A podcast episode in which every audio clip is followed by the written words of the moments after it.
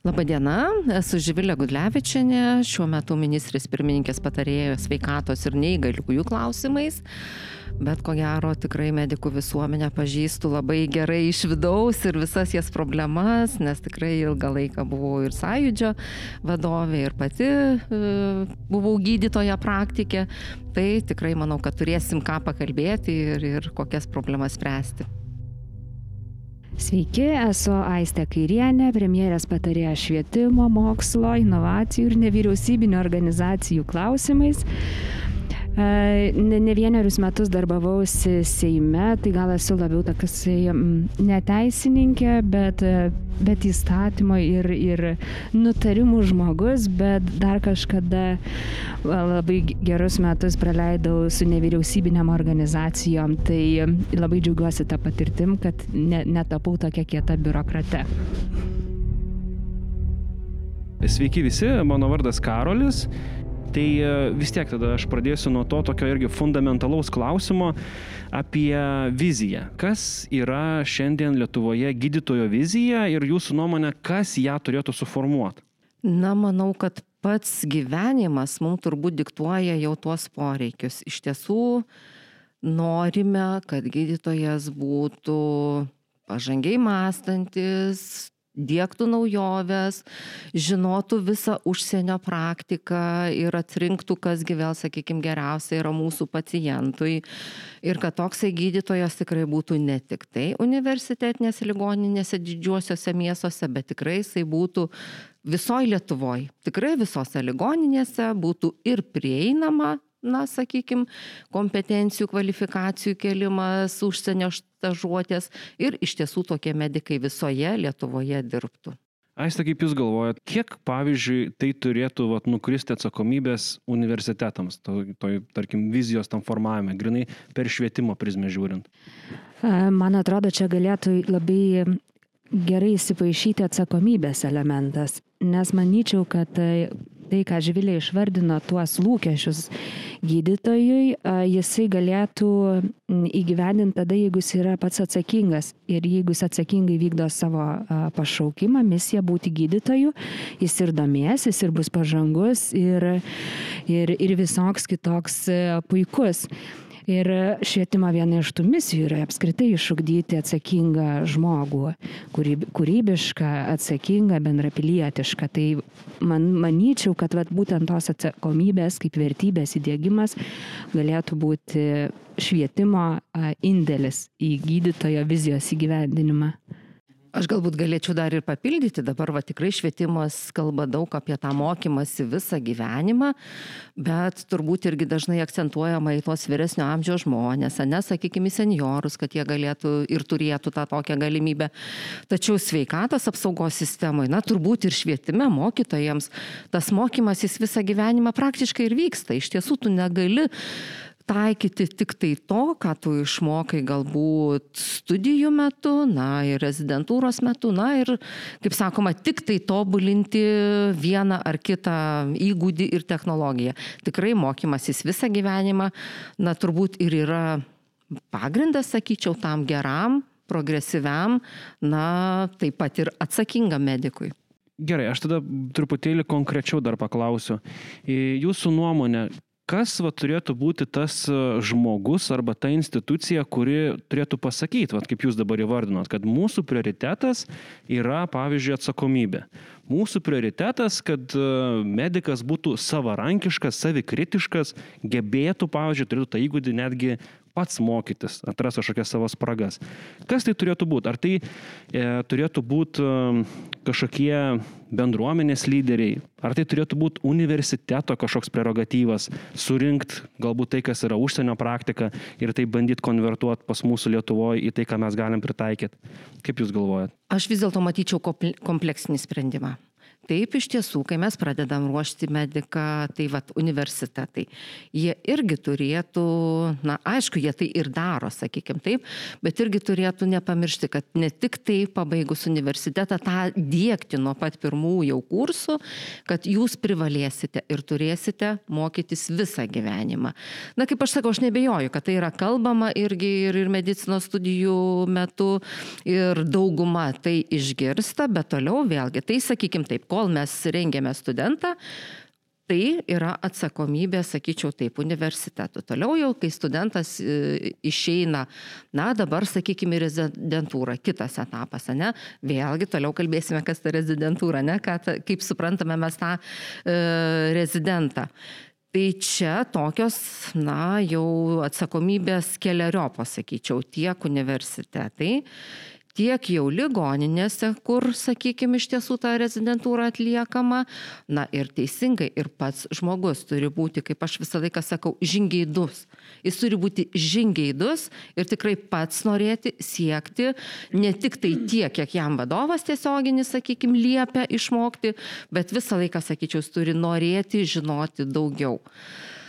Na ir jau jeigu imsime darbinę karjerą, tai aš labai vis dėlto matau tą lyderystę iš tiesų įstaigos vadovo e, vaidmenyje. Įstaigos vadovas iš tiesų formuoja ir, sakykime, ir ir vizija, ir misija įstaigos, na, netmetu ministerijos vaidmens tikrai, bet ministerija, sakykime, yra, na, toksai tikrai administracinis turbūt, ne, vienetas. Bet bet kokiu atveju įstaigos vadovas irgi turėtų matyti tą viziją penkiems metams į priekį, ne, kur link juda jo įstaiga ir tuomet kokių specialistų jam reikia, reikės, kokių kompetencijų jam reikia šiandien ir reikės. Ir vėlgi pagal tai, na, kaip aš sakau, užduoti toną tikrai savo darbuotojams. Tai sakyčiau keliariopą ir priklauso nuo kiekvieno to etapo, kur yra gydytojas, gydytojas rezidentas ir ar, ar prieš tai studentas. Dar papildyti norėčiau, aš kažkaip um, nelabai tikiu va tais tokiais liepimais, ką Žvilė ir sakė labai, labai gražiai, kad vadovas galėtų būti pavyzdys. Ir, ir pavyzdys tam, kad būtų e, kuriama kultūra tam tikra, ar mokymosi visą gyvenimą, e, kultūra, kuri apimtų ir, ir tas vertybės, ar atsakomybę, ir tą patį kūrybiškumą galėtų apimti, nes tas pats gydytojas jis gali būti kūrybiškas, kūrybiškai ieškoti sprendimų, pritaikyti kažkokius metodus e, savo darbe. Tai um, vadovas ir pati bendruomenė irgi kokią kultūrą palaiko arba stengiasi įdėkti. Nes turbūt vienas vadovas savo pavyzdžių irgi ne, e, nenulems visko, jeigu visa aplinka bus e, priešiška. Tai man atrodo, čia dar ir tokios bendradarbiavimo ir bendrystės, bet tikrai pritariu Živiliai, kad e, ne nevaldiškas sprendimas sukurs, sukurs pokytį, kad pat būtų gydytojas vienoks ar, ar kitoks. Aš girdžiu, kad e, jūs e, sakot, jog e, tos nemažai atsakomybės krenta ir pačiai bendruomeniai, tokiai natūraliai evoliucijai, tiesiog žiūrint į tai, kur eina, tarkim, kažkokios srovės medicinos inovacijų ir panašiai, ir tiesiog prie to adaptuotis ir stengtis jas išpildyti ir savo praktikoje, ir galbūt tą perduoti, tarkim, jaunesniem kolegoms. Bet ar tai nereiškia, jog, tarkim, tada gali susiformuoti ir 60 skirtingų tų vizijų?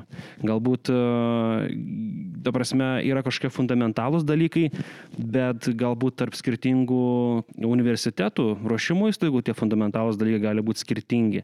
Ar yra kažkas, kas galėtų iš šalies pasakyti, kad čia yra Lietuvos kryptis, kad mes matome, jog už 30 metų ir pasaulyje, ir Lietuvoje pritrūks tokių specialistų, kuriems reikės mokėti tokių, pavyzdžiui, dalykų. Ko jūs, pavyzdžiui, šiandien savo programuose neturit? Jūs nepakankamus ruošiat specialistus mums. Ar mes turim, kas galėtų tą šiandien pasakyti Lietuvoje?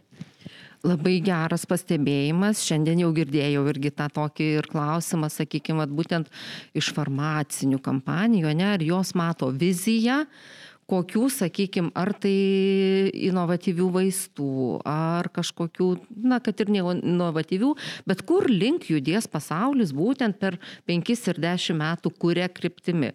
Tai nebejotinai, kad turi būti aš turbūt tą ir norėjau pasakyti, kad tiek įstaigos vadovas irgi galėtų matyti, kur link juda pasaulis ir to, sakykime, tas vizijas piešti savo įstaigoje, bet tokiu valstybiniu mastu tai jau tada iš tiesų ta vizija turėtų būti formuojama taip, ko gero, ministerijoje. Vis dėlto užduodamas tonas, analizuojant pasaulinę patirtį, e, atliekant analizės ir žiūrint, kur link eina kitos šalis, na, sakykime, taip atliekant tas analizės.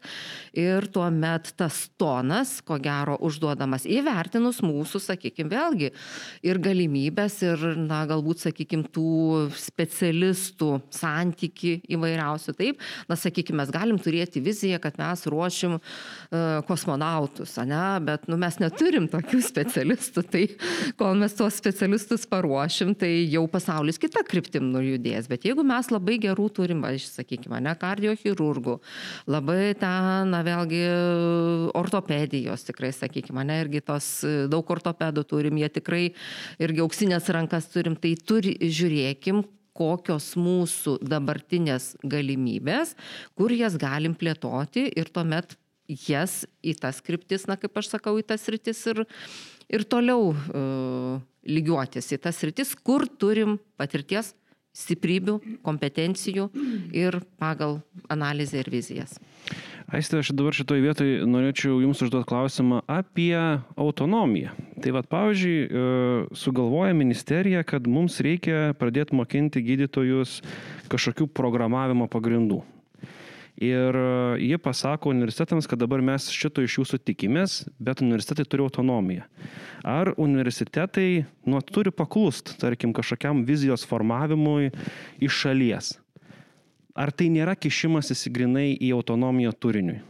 Ir taip, ir ne. Teisiškai, manau, neįsikešim, nes teisiškai suveiks tas autonomijos mechanizmas, bet nurodyti kryptis ir, vad, kaip sakot, kokių reikia gebėjimų. Žvilė jau gal kalbėjo apie konkrečias rytis ir tokius jau konkretesnius gebėjimus iš švietimo perspektyvos ir iš aukštųjų mokyklų perspektyvos. Aš kalbėčiau apie tuos um, irgi tai, tai, kur juda pasaulis link. IT iš viso gebėjimas nebėra, man atrodo, da, e, gydytojo ar negydytojo gebėjimas. Tai jau bus trečia, kaip buvo lietuvių, anglų ar ne, gimtoji anglų ir tada ne kinų jau, o IT kalba. Jis tiesiog taps kaip pri, privalumas. Ir tada čia net ne aukštoji mokykla įsijungia, čia jau įsijungia mokykla su savo programomis. Ir man džiugu, kad mes patruputį judam link to, kad net pirmokiukai mokytųsi IT programavimo, kažkokio tokio bazinio, ką gali daryti ir net darželinukai IT priemonės naudoja ne filmukam žiūrėti, bet nu, kažko, IT naudojama kaip priemonė ūkdyme. Tai aukštoji mokykla ilgainiui turbūt jau nebebus vieta, kur mokomės IT, bet naudos IT kaip įrankį ir tu be to gebėjimo net negalėsi um, dalyvauti kokybiškai studijose. Ar aukštoji mokykla padės uh, pasiekti IT gebėjimus, kurių reikia. Ar pasimokysi kažkur iš šalies ir tada dalyvausi kokybiškai studijose, čia, čia atskiras klausimas. Bet va tokios mega tendencijos kaip IT um, nežinau, gal dar kokie nors besikryžiuojantis dalykai, multidiscipliniškumas, e, kuris e, bent jau kitose srityse irgi yra akcentuojamas, ar ne, kad vieno dalyko, netiksliųjų mokslų e, dalykų, gebėjimus pritaikai lietuvių kalbą, analizuoti lietuvių kalbą su, tai Tai man atrodo, tokios, tas bendras tendencijas universitetai jaučia, nes visa tai yra studentai ir tai yra jų skaičius ir tai yra elementarūs pinigai. Tai jau taip visiškai atsilikti ir likti akmens amžiui, man atrodo, tiesiog negali dėl rinkos, rinkos poveikio tom programom. Aš gal galėčiau irgi, sakykime, papildyti, va ir tikrai ir su Aise šiandien irgi kalbėjom, kad jeigu mes paliekam vien tik tai autonomiją, neįsiklausom į, sakykime, tam tikras skripčių siūlymus, sritis ir tendencijas, tai tuomet taip ir gaunasi, kad visi universitetai nori turėti visas ir labai plačias programas, kaip ir dabar matome sveikatos sektorijoje, visos ligoninės nori turėti visas paslaugas ir, na, kaip sakoma, dabar nei viena iš jų nenori jų susimažinti. Tai vis dėlto tos kryptis, poreikiai, kryptis atsižvelgiant į poreikius, turi būti formuojamos, na, sakyčiau, tikrai iš aukščiau, iš švietimo, iš vatsveikatos ministerijos, na, kad tikrai neatsitiktų taip, kad visi nori visko, visi daro viską, o tuomet kad visi darytų viską, mums tiesiog trūksta specialistų, nes na jų tiek nėra. Truputėlį dabar jau einant prie kitos temos, tai e, gydytojai rezidentai. Tai vis tiek pirmas klausimas e, yra toks nu, vat, e, gal keistas būtų kitai Europos šaliai tokį klausimą užduoti, bet mūsųse vis dar labai aktuolus. Tai vis dėlto gydytojas rezidentas, ar studentas, kuris dirba, ar darbuotojas, kuris mokosi. Ka, kas čia yra 50 ant 50, ar kažkas turi 51 procentą ar 49 procentus? Šitą namų darbą mes su Aisė atlikom. Pakeliui važiuodamos vienoj mašinoje. tai iš tiesų, va taip ir, na kas ir jau jaučiasi ir, ir šiandien kalbėdami ir su abiem ministerijom ir vat, tikrai darydami tos susitikimus, matome, kad turim keisti požiūrį. Kad rezidentas tai yra darbuotojas, kuris mokosi. Ir vėlgi su Aiste šiandien aptarėm kelis pavyzdžius. Na, sakykime, aš pati dirbus, sakykime, daugiau laboratorijose, ne taip, kad e, gydytoja praktikė. E, irgi gaudavau tuos naujus darbuotojus, ne, naujas e, laboratorijos darbuotojas, kurios būdavo baigusios e, bakalauro arba magistratūrą. Ir jos ateina į tą laboratoriją teisingai irgi jos nieko nemokėdamos praktiškai, ne, to, ko tau reikia tų tokių, na, tikslinių funkcijų toj laboratorijoje atlikti. Ir tu mokai jas. Tu taip, vieną, sakykime, procedūrą, antrą procedūrą, kai jau išmoksta, taip sakai, tu jau gali dabar savarankiškai dirbti. Kita išmoksta, taip, viskas tvarko tvarkoj gali savarankiškai dirbti, bet jos yra darbuotojas laboratorijos. Jos nėra studentės. Ir tikrai tuomet, kaip aš sakau, jos iš tiesų ta atsakomybė tokia vat, labai labai labai jų įdomi. Ir mes netgi irgi su kita jau vyresnė ta darbuotoja visą laiką kalbėdavom, kad, nu, vat, jų požiūris toks studentiškas. Vis dėlto jos yra darbuotojos, yra atsakingos už tas procedūras, bet požiūris studentiškas, kad yra užnugaris ir visada padarys, jeigu kažkas kas neįvyko. Tai manau, kad lygiai tas pats modelis turi būti, na ir rezidentam. Vis dėlto jie šešis metus buvo studentai ir dabar jau ateina, na, specializuotis, aš taip sakyčiau, taip, baigė savo medicinos studijas, gauna diplomą gauna diplomą, licenciją. licenciją, medicinos gydytojo licenciją, jie yra darbinami pagal tą licenciją, na kol kas mes žinom ten, kaip yra su ta medicinos Taip. norma iš tiesų, bet viskas, jie yra darbinami kaip darbuotojai, tai jie ir turi ir atsakomybės dalį, taip, nešti, sakykime, kaip darbuotojai, na, bet turi ir mokytis, todėl kad jie atėjo, na vis dėlto aš sakyčiau, specializuotis į tam tikrą sritį ir teisingai, etapiškai turėtų išmoko tą procedūrą, jau gali daryti savarankiškai, nu, išmoko kitą, jau gali daryti savarankiškai. Man tai čia dar toks biurokratinė mano pusė lenda. Specialiai pasis, pasis, pasižiūrėjau rezidentūros aprašą ir skaitau, kad 25 procentai yra studijoms, 75 yra darbui. Ir tada galvoju, šiaip, jeigu, pavyzdžiui, pažiūrėtume vientisasias studijas, tai matyt, proporcija būtų atvirkštinė ir tada natūralu, kad mes sakom, kad vientisos, vientisosios studijos yra studijos, nes jis iš principo studijuoja ir kažkiek dar ten atlieka tos praktikos. O čia akivaizdu, kad praktika tai jau yra darbas. Ir studijos yra pakeliui. Tai visiškai antrindama živiliai, sakyčiau, kad tai yra darbuotojas, kuris dar pakeliui uh, mokosi nes lygiai taip pat šiandieną vat irgi aptariam, galbūt kažkiek galėtų būti analogija mokytojas, kuris pabaigė, gavo diplomą, ateina į mokyklą mokyti, aišku, rizikos gal mažesnės negu paleisti. Riz... Operuoti, tai be praktikos, bet kita vertus aš galvoju, klausyk. Taigi prieš vaikus ten kokius nors antrakelius ateina tik iš universiteto, jeigu jis neturi irgi įgūdžio, tai, tai psichiniai sveikatai irgi gali turėti pasiekmių bet truputį nukrypau. tai yra pradžioje, bet jis yra laikomas darbuotoju ir tada yra konstruojama, kaip jam padėti tapti gerų mokytojų ir, ir kad įsigytų per praktiką, vat, išlavintų tuos savo metodus ir taip toliau. Ir tada bandau savo atsakyti, o kuo rezidentas šitoj vietoje skirtusi nuo tokio pradedančiojo mokytojo jūs labai gerą tokią palėtėt e, dalį viso to, kad e, iš tikrųjų ta pati rezidentūra šiandien yra sukonstruota taip, nu, at, jog pirmą dieną rezidentūros ir paskutinę dieną rezidentūros, nu, techniškai tu turi tą, tą patį statusą savo darbę. Ant kiekvieno tavo popieriaus turi uždėti kažkas kitas parašą. Tai tos atsakomybės jos tiesiog natūraliai kažkur pabėga, ta prasme. Tau nereikia iki galo, nu, nes tu žinai, kad tave kažkas vis tiek pridengs. Tai dėl to ir atsiranda tas toksai pakopiškumas, prie ko mes dabar visi vis ir einame ir visas pasaulis link to eina, kad ta atsakomybė po truputėlį, po žiupsnelį jinai būtų visame tame procese. Ir, ir nebūtų to šoko, kaip va, dažnai pasikalbėjus su jaunais gydytojais būna po rezidentūros, kad vakar aš dar buvau už nieką atsakingas, o šiandien jau esu už viską atsakingas. Toje pačioje vietoje iš tikrųjų galima ir padiskutuoti, jeigu vis dėlto gydytojas rezidentas yra daugiau darbuotojas, nu nes mes praktiškai, kad ir kaip ten būtų aprašyta, bet mes atliekam paslaugas. Mes atliekam ir procedūras, e, kartais su didesnė priežiūra, kartais be priežiūros. Tas pakopinės kompetencijos tam tikrą prasme jos praktiškai ir taip vyksta.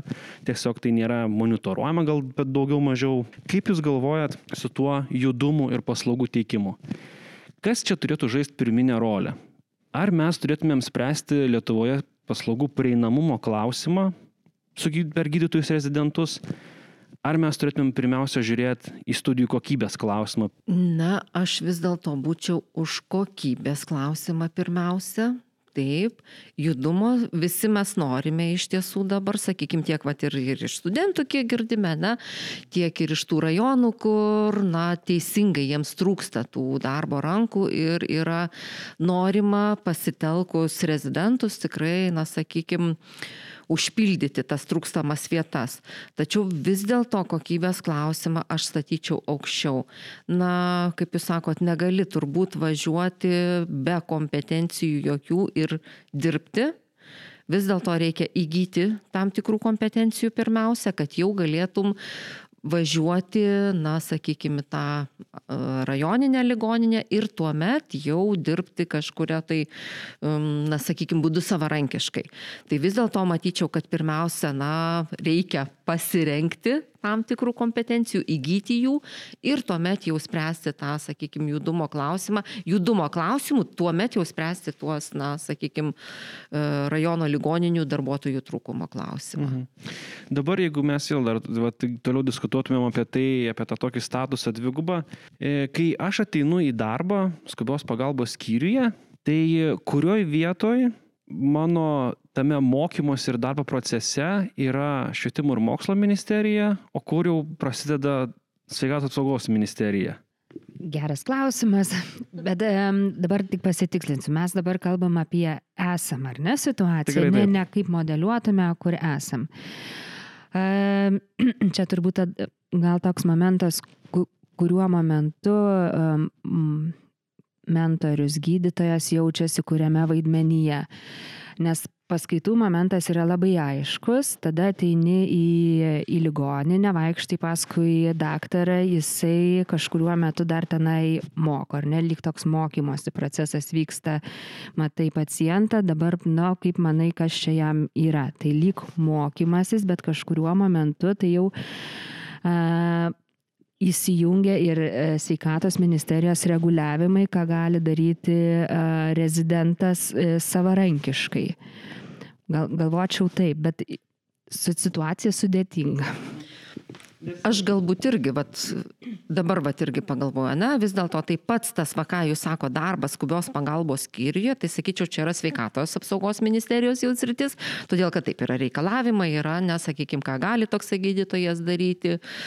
O atsiskaitimai, va taip jau matyčiau tada, ne, kadangi važiuojam atsiskaityti ar ten einam į universitetą, tai jau tada tas atsiskait, atskaitomybė, atsiskaitomybė ir kompetencijų įvertinimas jau tada yra švietimo sporto mokslo ministerijos rytis. Bet vėlgi tada galim grįžti prieš tai buvusi klausimą. Tai kiekgi laiko jūs praleidžiat skyriui ir kiek laiko jūs praleidžiat tuose e, teoriniuose mokymuose ir atsiskaitimuose. Nes dabar tokia yra įdomi situacija, kiek švietimo ir mokslo ministerija gali pasakyti apie gydimo kokybę arba kompetenciją gydytojo. Ar, ar jinai, nu, tarsi, gali įvertinti tai? Kitas klausimas, ar sveikatos e, apsaugos ministerija gali įvertinti, pavyzdžiui, programos studijų arba rezidentūros, ar ne? Kas tenais yra per turinys. Ir gaunasi toksai, kaip čia pasakyti, e, tas e, pasakymas, kaip čia dvi mamos, bet vaikas be tėvų iš tikrųjų gaunasi, nes švietimo ir mokslo ministerija nelabai nori to gydimo aspekto, o sveikatos apsaugos ministerija nelabai nori mokymo aspekto. Ir tada rezidentai, kai turėdami tą tokį dvigubą statusą, tai nei prie vienų, nei prie kitų. Ir ir ką aš noriu toje vietoje pabrėžti, kad kaip ir turim to rezultatą, tos rezidentūros programos, jos niekada ir nebuvo išoriškai vertintos, e, rezidentūros bazių tvarkos vertinimo iki po šiai dienai nėra net patvirtinta, net neaišku, kas turėtų tą daryti, apart vidinės kontrolės pačios universitetuose. Ir e, kai kalbam apie tą kokybę, tai kas tada turi prisimtą atsakomybę? Ar kažkaip turi tos ministerijos tą pasidalinti? Gal, nežinau, laikas susitart, kaip jūs galvojate? Um, dabar galvo, taip, bandysiu dėliotis mintis. Um, yra įsijungęs e, vienas dalykas, dabar vertinamos program, e, studijų programų e, kryptis, tai čia yra vienas mechanizmas, kur švietimas gali kažkokius nustatyti reikalavimus.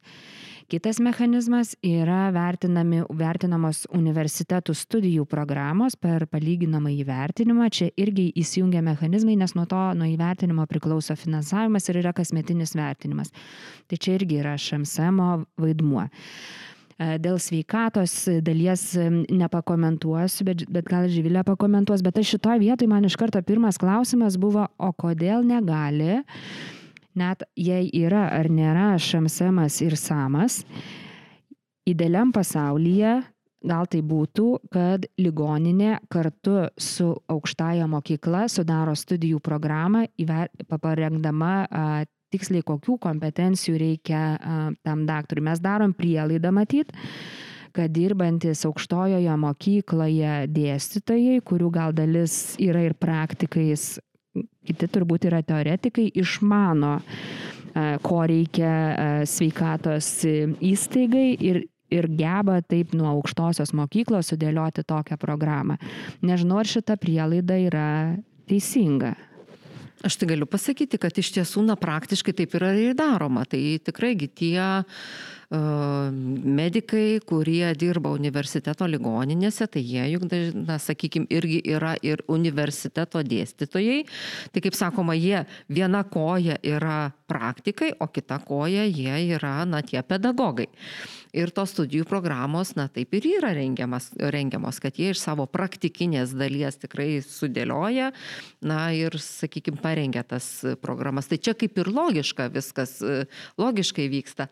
Bet va kaip karolikai klausėte, tai, na, klausimas geras, tai ir atsakymas toks turėtų būti, reikia susitarti. Nes e, turbūt mes, žinot, prie to atgrįžtam to tokio dvigubo statuso, nes iš esmės ES belikusios tik tais dvi valstybės, kur tą turi dvigubą rezidentą statusą - Latvija ir Lietuva.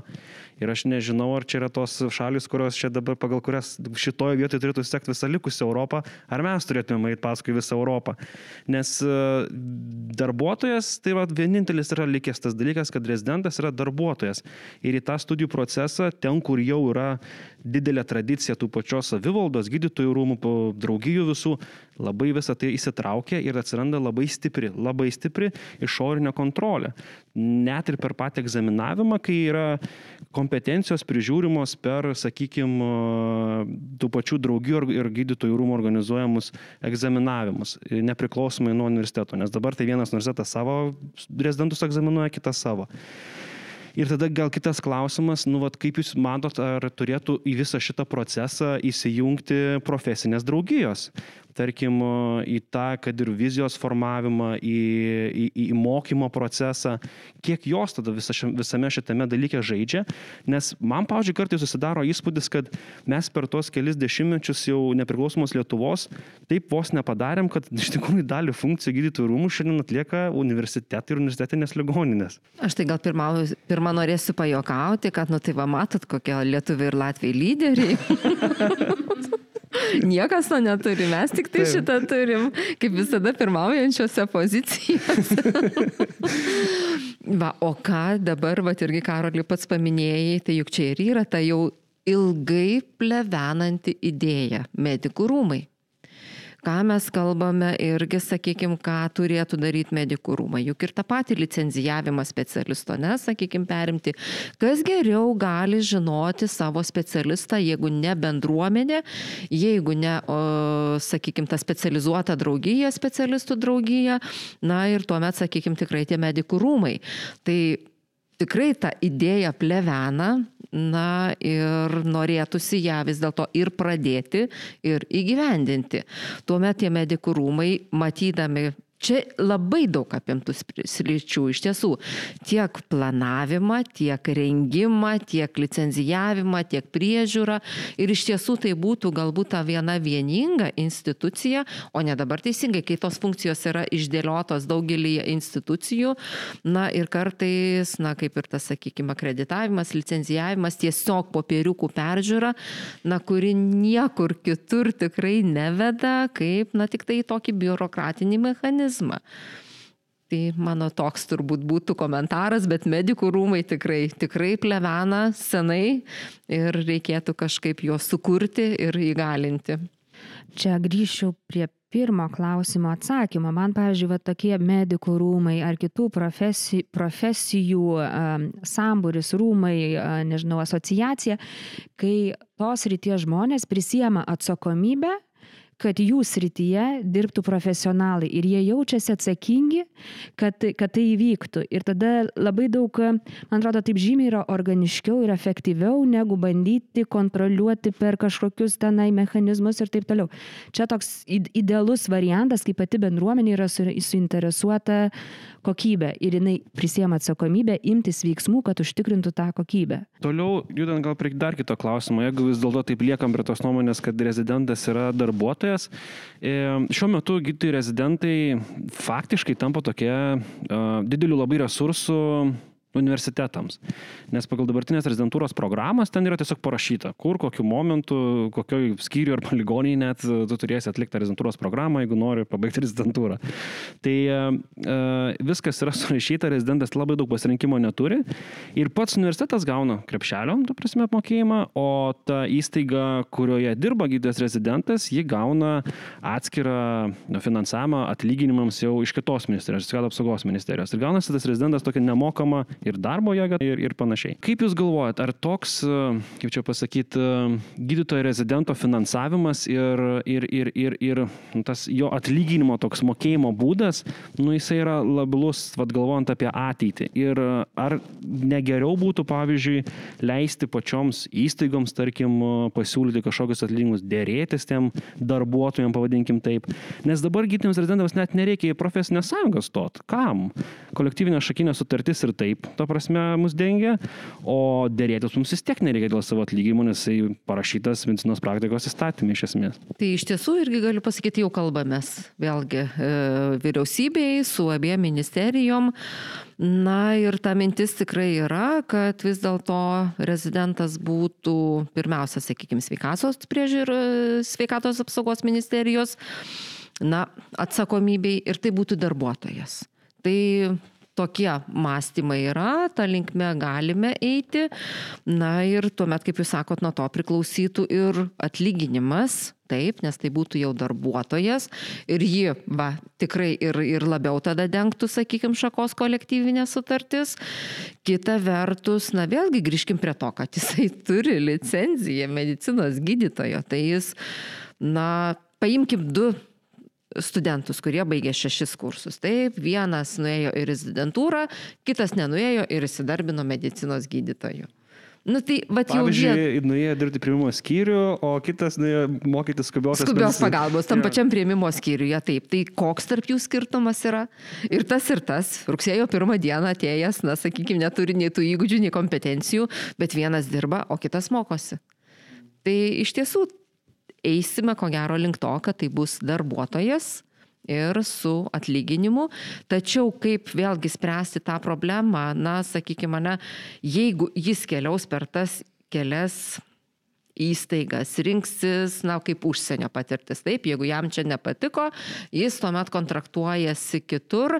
Tai kol kas nėra turbūt išspręstų tų mechanizmų. Tai kaipgi tie finansai vaikščios, ne, jeigu jis ne per universitetą ir ne per universitetinės klinikas, o per kitas klinikas, tai va čia ko gero dar yra tas klausimas, kaip aš sakau, kaip vaikščios fin- finansai paskui tą žmogų, kuris galbūt dešimt kartų per metus pakeis savo darbo vietą, bet jam nebus suplanuotas e, atlyginimas toj darbo vietoj. E, Tada kitas natūralus klausimas vis tiek. Mes kalbam pakopinių kompetencijų kontekste ir e, kai šitas dalykas galiausiai startuos, visi gydytojų rezidentai pamažu gaus vis daugiau atsakomybės ir, ta, ir galės teikti tiesiog paslaugas jau po truputėlį, po dalelę savo tos būsimos galutinės licenzijos. Ar atlyginimas irgi turėtų būti susijęs su augančia atsakomybė ir kompetencija? Aš manau, nebejotinai. Juk ir dabar kiekvienas e, medicas, pradėdamas dirbti, atėjęs į darbo vietą, jis pirmiausia gauna, na, kaip mes sakom, tą bazinį kažkokį tai atlyginimą.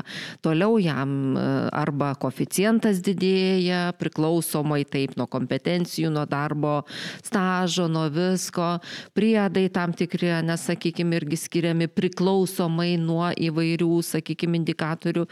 Tai aš manau, nebejotinai, kai tu pradedi savo įgauti kompetencijų ir vėliau jau jų įgaudamas ir gilindamas, tai nebejotinai ir atlyginimas turėtų didėti. Šiuo metu mes turim du tokius e, jaunesnysis gydytojas rezidentas ir vyresnysis gydytojas rezidentas. Pakopinės kompetencijos jos bus daug organiškesnės. Ta prasme, bus jau per penkis metus nebe a, vienas paketas kažkokios kompetencijos, nebe kitas paketas, bet tai greičiausiai bus kiekvienais metais vis auganti kompetencija. Ir a, ar tai reiškia, jog reikėtų netgi peržiūrėti tą tokį tik tais dvi pakopį, pavadinkim taip, augimą pačio gydytojo rezidento. Ta prasme, kad atlyginimas būtų mm, gal netgi kiekvienais metais didėjantis priklausomai nuo įgaunamų pakopinių kompetencijų. Ką vat jau ir prieš tai minėjau, ko gero turėtų būti pagal analogiją, kaip ir įsidarbinės gydytojas į gydymo įstaigą. Jeigu įsigyja tam tikrų kompetencijų, ant- kaip prezidentas dabar, ne, galbūt vienas anksčiau, o kitas vėliau įgytų tų kompetencijų, na tai žinoma, ir tas atlyginimo skirtumas turbūt irgi turėtų būti taip vadinamas flexible. Priklausomai nuo to, kada ir kiek ir kokių kompetencijų jisai įgyjo. Kaip aš sakau, vienas gal jau ir antraisiais metais, na, jeigu chirurgija, ne, jau operuotų sudėtingesnius atvejus, o kitas dar ir trečiais metais galbūt dar to nesugebėtų padaryti. Tai iš tiesų ne metų trukmė, o įgyta kompetencija ir gebėjimai, na, irgi turėtų atsispindėti. Aiste, mes taip natūraliai nukrypom link to, jog e, su tom kompetencijom ir tas judumas toks atsiranda visa kita. E, Jūsų nuomonė, kas turėtų prižiūrėti kokybę e, švietimo mokytojų, mentorių, pavadinkim taip, tose pačiose gydymo įstaigose, neuniversitetinėse ligoninėse? taip jau vėlgi biurokratiškai. Natūralu, kad mus mentori kažkoks aprašas ar ne, ko mes iš mentoriaus tikimės. Dabar, jeigu galvojam šiaip apie tą pasitikėjimo kultūros ku- kur, kur ką į visas rytis bandom dėkti, tai būtų ir pačios gydymo įstaigos atsakomybė ir tos aukštosios mokyklos, kurisai dirba. Nes gydymo įstaiga yra vietoje ir, ir realiai matai situacijas, gal bendradarbiauji su aukštąją mokyklą, sakai, klausykit, čia turim, tur, truputėlį turim problemų, mes, mes kaip gydymo įstaiga, kur dirba ir mes galbūt, čia dabar mano visiškai tokia idėja, fiks gal, gal gydymo įstaiga perka tą mokymo paslaugą iš aukštosios mokyklos, bet čia sakau, ne, nežinau, turbūt net nediskutuota ir čia tokia, vat, prie šio stalo gimusi idėja gal net tą santyki pakeis, pakeitus atsiranda kažkoks aiškesnis tada mm, Aš dar tik truputį pratęsiu mintį, nes panaši sistema yra su pradedančiais mokytojais e, mokykloje. Yra aiškiai aprašyta, ką turi daryti mentorius mokykloje, ką universiteto dėstytojas, prižiūrintis abu, e, konsultuojantis tą mokytoją, tiksliau, jeigu ką, bendradarbiaujantis su mentoriumi, kad padėtų mokytojui mokykloje. Va tokia yra tvarka e, aprašyta, aišku, realybė, Tvarka yra tvarka, įgyvendinimas yra svarbiausia, o su įgyvendinimu būna visaip. Aš gal dar irgi norėčiau pridėti, bet jau ir turbūt užbėgdama į kitą klausimą, ne, net ir dėl tų valstybės kontrolės išvadų, pasigendu turbūt ir pati. Ir pati jau kažkada buvau tiek ir, ir studentė, ir rezidentė, ir dabar matom tuos rezidentus. Na, tokio turbūt vertinimo iš pačių rezidentų, taip? Ko gero nėra dabar tai labai populiaru iš tiesų, bet užsieniai žiūrėkit, kad ir bet kokią tu paskaitą lankai, kursus, tau tikrai paduoda tą lapelį, kaip tu įvertini. Ir mes gal labai labai, na taip žiūrim, kaip aš sakau, pro pirštus, ne, arba sudedam viskas labai gerai, arba viskas labai blogai. Bet pažiūrėkit, kaip į tai žiūri patys užsieniečiai. Jie tikrai atsakys labai labai teisingai, pažymės, ko jiem trūko toj paskaitoj, ko jie norėjo, ko jie tikėjosi. Ir tai toliau vėl yra analizuojama ir iš to daromos išvados. Pas mus vėlgi, turbūt ko gero tos nėra kultūros tokios, bet tas pagelbėtų ir atsirinkti tikrai tuos ir dėstytojus tinkamiausius, ir mentorius, jeigu dabar taip kalbėsim, tinkamiausius Na ir vėlgi tikrai tai prisidėtų tiek prie rezidentų rengimo, kultūros, tiek prie kokybės, tiek ir toliau, žinoma, prie paslaugos kokybės. Mhm. Tikrai e, turiu pritart, kad e, tos, e, kaip čia pasakyti, bolto sistemos, kur ir aš vertinu vairuotoją, ir vairuotojas mane tikrai trūksta Lietuvoje. Ir čia netgi gal aš pasakyčiau labiau susijęs su vidinė universiteto kultūra, nu, ką aš tikrųjų paminėjau ir valstybės kontrolė ir ne tik apie medicinos universitetus, kad tikrai trūksta dialogo su studentais ir tuo pačiu su rezidentais. E, bet mes vėl taip natūraliai nukrypstame į tą tokią vidinę kontrolę. O kas turėtų išoriškai pasižiūrėti, kad tie procesai veiktų, nes mes ir šiandien turim rezidentūros bazės, bet jos niekaip nėra prižiūrimos. Ir tikrai nepaslaptis, e, už uždarų durų universitetai savo, kad jie neturi pakankamai išteklių to daryti, neturi šiandien net sistemos, kas galbūt galėtų būti kažkoks ten grįžtamo ryšio, nežinau, metodas ir panašiai, galbūt tai yra ruošiama per elektroninį ten tą dienyną pakopinėms kompetencijoms, bet šiandien to nėra.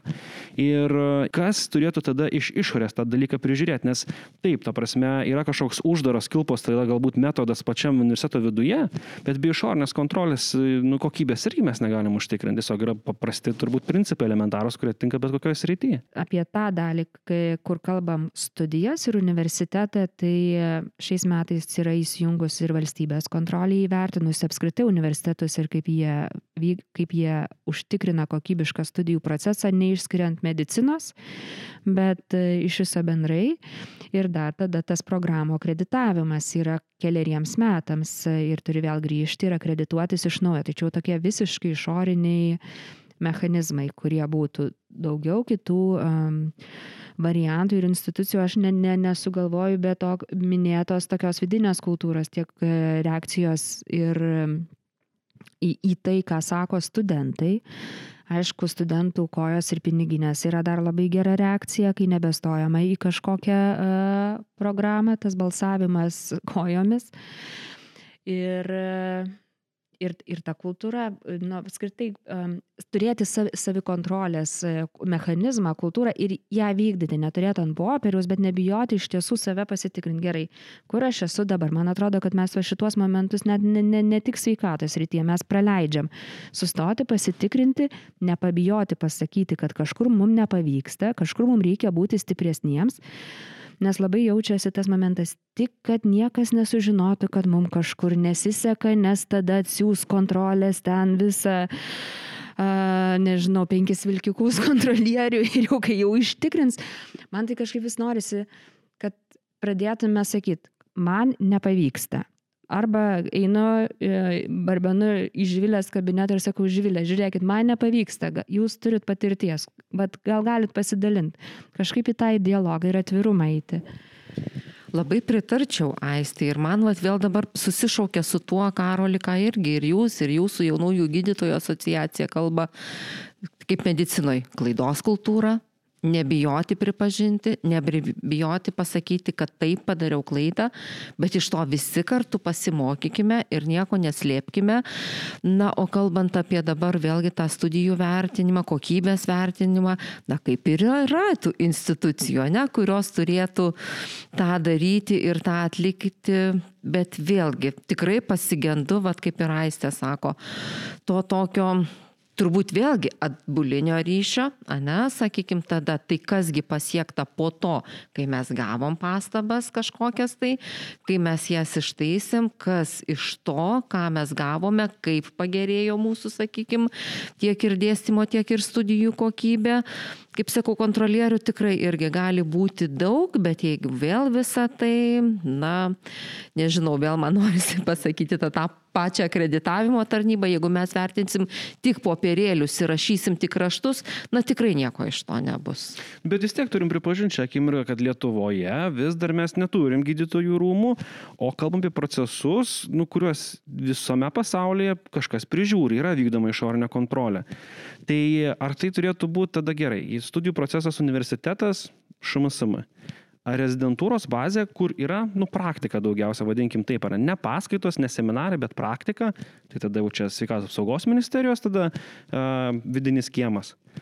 Ir tada brėžiam čia ribą tarp tos, kur čia kuri ministerija, ką čia turi pasidalinti. O kur gydytojų rūmai tada? Jų nėra, jų tiesiog šiandien nėra. Jeigu būtų, tai vad netgi iš, iš karto konstruojant, aš atsiprašau, kad taip užšokau, bet man vad irgi norisi tada iš karto, jeigu yra tokia plevenanti idėja, iš karto galvot, aha, pati bendruomenė šitoje vietoje būtų pajėgi su, su, sužiūrėti, sukontroliuoti tam tikrą procesą ir taip atsirastų ir kažkoks labai aiškus gydytojų rūmų vaidmuo ir gal tada nuimtume tokią popierinę kontrolę išorinę, kuri yra, bet iš tikrųjų rezultato mes nelabai turime ten iš, iš kitų kažkokių institucijų. Ir, nu, čia paprasti sprendimai nebūtinai reiškia, kad geri sprendimai. Šitą žinau, atrodo labai paprasta. Bet e, gal alternatyva iš karto dėlioti, galvojant apie tą kontrolę, iš karto įves naują žaidėją ir dėlioti taip viską. Ne, tai va iš tiesų tada ir, ir pasitvirtina ta idėja, kad medikų rūmai jie plevena kažkur tai, bet jau, jau išsigrynina, kur jų vieta galėtų būti. Kita vertus, vėl kaip jūs sakote, ne, kur čia yra sveikatos ministerija, kur yra švietimo ministerija. Na, kaip ir vėl atrodo, ne, kaip ir tas gydytojas turi turėti tiek praktinių įgūdžių, tiek ir, va, kaip kalbėjome, ne kažkokių teorinių atsiskaitimų, atrodo išsidalina, kad praktiniai įgūdžiai sveikatos ministerijai priklauso, teoriniai nei, na, tie, sakykime, mokymai švietimo ministerijai priklauso. Bet kas visą tai turėtų apjungti, kita vertus, ar rezidentai irgi gal jau galėtų stoti į profesinės tas draugijas, ne? Ir vėlgi tenai galbūt ta jų kompetencija irgi galėtų būti vertinama. Tačiau kol kas profesinės draugijos juk irgi to netlieka, jos nevertina kompetencijų savo narių, jos irgi užsijama, na, sakyčiau, daugiau turbūt švietimu tų tokių, ne, ar konferencijų organizavimu, taip, kompetencijų kelimu, teisingai, bet vertinimu kompetencijų savo narių ne, kol kas dar netlieka. Čia turbūt viena irgi uh, opi tema, nu, kur, va, tarkim, ar negalvojame apie rūmus, bet uh, rūmai vis tiek turi, turėtų tokį, turėti didelį, kaip čia, didelę pagalbą gauti iš tų draugijų, bet šiandien ir su draugijom nėra iki galo gerai. Turim mes stiprių labai draugijų, kurios yra tikras pavyzdys visiems, bet tai tikrai ne, ne, ne kiekvienoje specialybėje ir tuo pat metu tą kiekvieną, kiekvieną specialybę turbūt rasim net ne po vieną draugiją. Tai čia kuri turėtų būti dabar atsakinga už ką, tada reikėtų pradėti dalintis.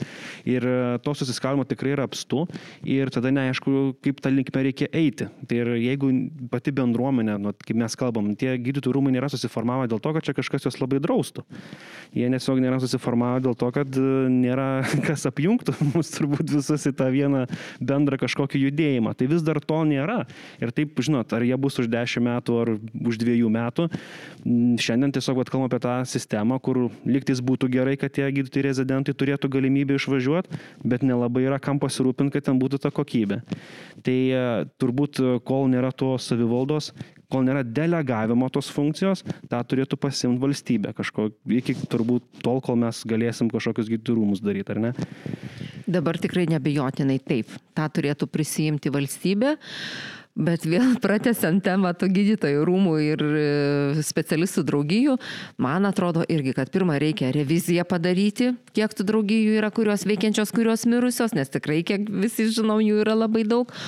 O toliau tiesiog ta idėja ir buvo, kad po tam kažkokiu skėčiu vis dėlto tie, tos visos specialybinės draugijos susijungtų.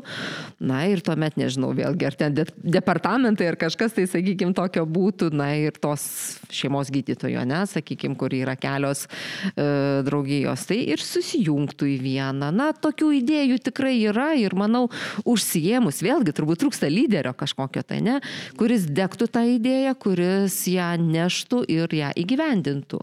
Bet sprendimo būtų tikrai tikrai visą laiką galima rasti. Aš gal čia išvelgčiau pozityvo, truputį pasiremdama nevyriausybinio organizacijų patirtimi, dar tikrai ne per seniausiai nemažai jų buvo paskiros.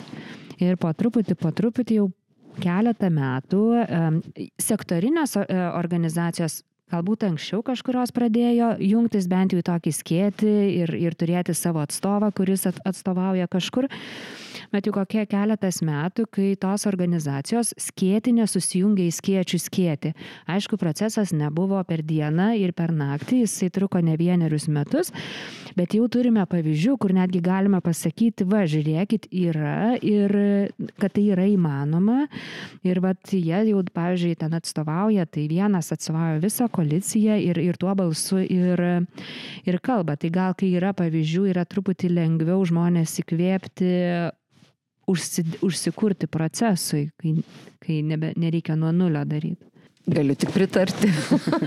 Taip. Um, Gal tokį, va, irgi, žinot, apibendinimą, jau šiek tiek palėtėm ir tas valstybės kontrolės išvadas, bet e, aš tokį, žinot, turiu, va, pašiną įstrigusi, kuris mane vis taip pakankina, žinot, ir pakankina ir universitetų nereakcija į tai. Nu, ta prasme, mes kaip nevyriausybinė organizacija esame ir anksčiau darę savo apklausų. Ir e, esam apie tai diskutavę su universitetais, e, inicijavus e, valdžios institucijom ir panašiai, bet visada mes susidurdavom su tokiu skepticizmu. Ta prasme, kartais susidarydavo netgi tokia nuomonė, kol mes neišspausdinom savo apklausų lancetę, tol mes mūsų apklausos yra niekam neįdomios. Tai dabar tą padarė valstybės kontrolė. Ir e, aš kol kas viešai negirdėjau jokios reakcijos nei iš vieno, nei iš kito universiteto, būtent apie rezidentūros studijas. Tokios apklausos nėra buvę Lietuvos istorijoje.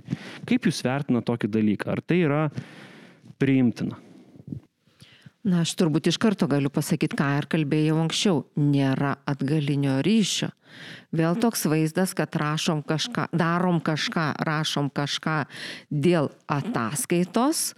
Na ir vėlgi galiu pasakyti tikrai ir iš buvusio Lietuvos medikos sąjūdžio veiklos, kai mes imdavom šitas valstybės kontrolės ataskaitas ir lygiai tą patį sakydavom sveikatos sistemai. Pažiūrėkit, bet juk buvo išvados ir rekomendacijos ir nieko tuo klausimu, sakykime, nepadaryta. Tai dabar jau aš matau iš vidaus vis dėlto, kad yra taip tam tikri, sakykime, nurodymai atsakingoms ministerijoms, na, vis dėlto vykdyti valstybės kontrolės rekomendacijas.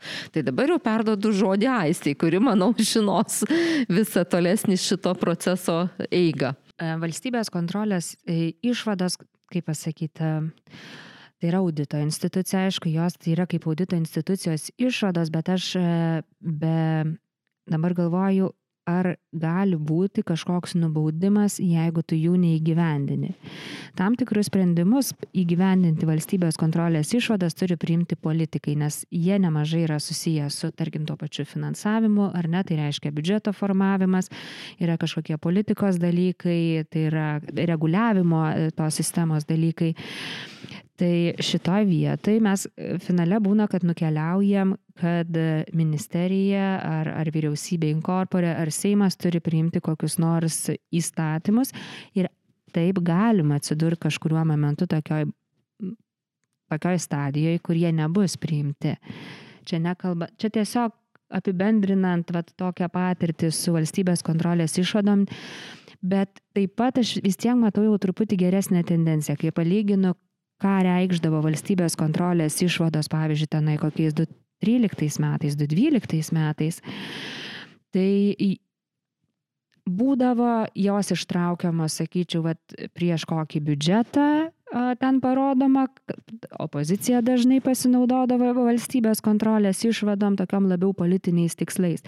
Dabar jau matau tokią valią eiti jų įgyvendinimo link ir patiems save po truputį jau pradėti kontroliuoti ir sakyti, klausykit, yra tokios išvados, tai mes turim nuspręsti, ką mes darom. Galbūt mes galim kažkurioje vietoje pasakyti, ne, mes manom kitaip, sėdam, diskutuojam, tą problemą gal galima spręsti, pavyzdžiui, kitaip. Nes būna ir problemos įvardintos, ir ką reikėtų, būna parekomenduota, ką padaryti. Bet, bet ta valia iš viso spręsti problemą, tai aš ją jau kažkaip matau, bet ką ir sako Živilė, kad judam tuo keliu. Aš dar truputėlį paspausiu, pabūsiu nepatogus. Aisti įsivaizduokit, jūs esate, pavyzdžiui, čia tik hipotetinė tokia situacija. Tarkim, Lietuvos lygų mokslo universiteto e, rektorė.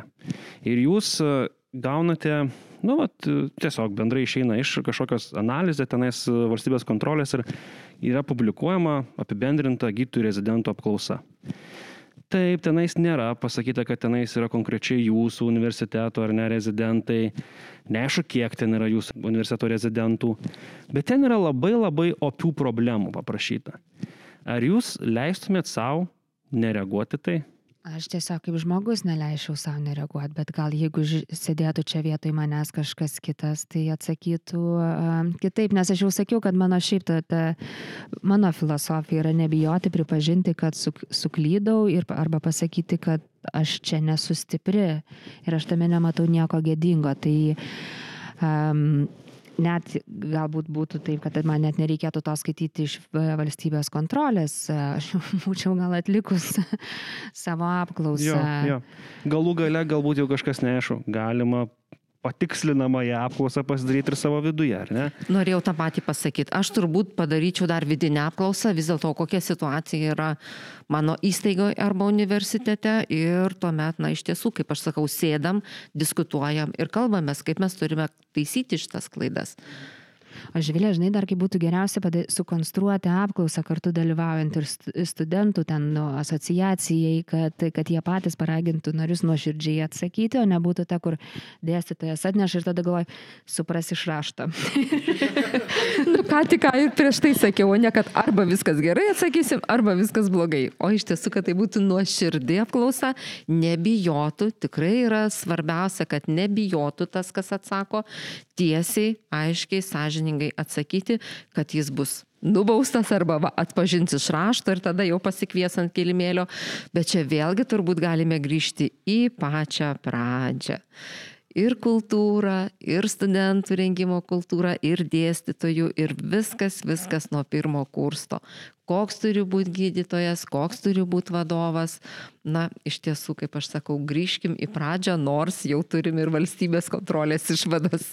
O čia galim dar labiau į pradžią grįžti prie mokyklos suolo, kur jau keičiasi ugdymo filosofija, kad nebe, nebe nebegali iš vaiko reikalauti, kad jis būtų geriausias, o kaip tik jį moky, mokyti, ką daryti su klaidom ir kaip, kaip jas spręsti ir, ir toliau tobulėti. Tai vad galim taip dar iš viso gyvą ir adomą.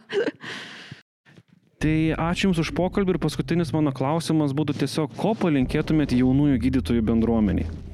Na, aš turbūt, vėlgi, kaip labiausiai susipažinusi, tai pirmiausia, tai labai džiaugiuosi, kad tokie yra kaip jaunieji gydytojai ir kad jie tikrai aktyvūs ir va tas naujoves, apie ką mes vis kalbam, ne, jie atsiveža a, iš užsienio ir jie bando dėkti čia Lietuvoje. Tai žinokit, to ir palinkėčiau, kad dabar galbūt, na kaip Jeigu daugiau veždavot ir bandydavot įdėkti, tai gal dabar jau daugiau reikėtų, na, kartu, žinoma, su visais dėkti jas.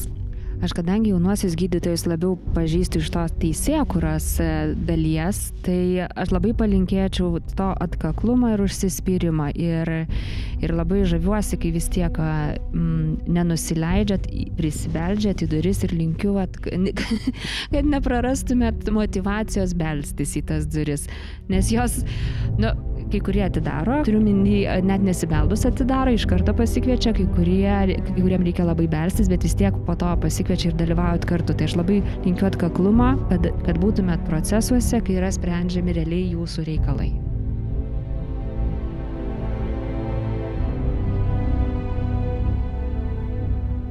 Ačiū visiems klausiusiems. Įrašo aprašymę galite rasti nuorodą į anketą, kurią užpildę prisijungsite prie mūsų asociacijos. Taip pat rasite nuorodas į mūsų kitas socialinės platformas. Būkime kartu, būkime tuo pokyčiu, kurį norime matyti.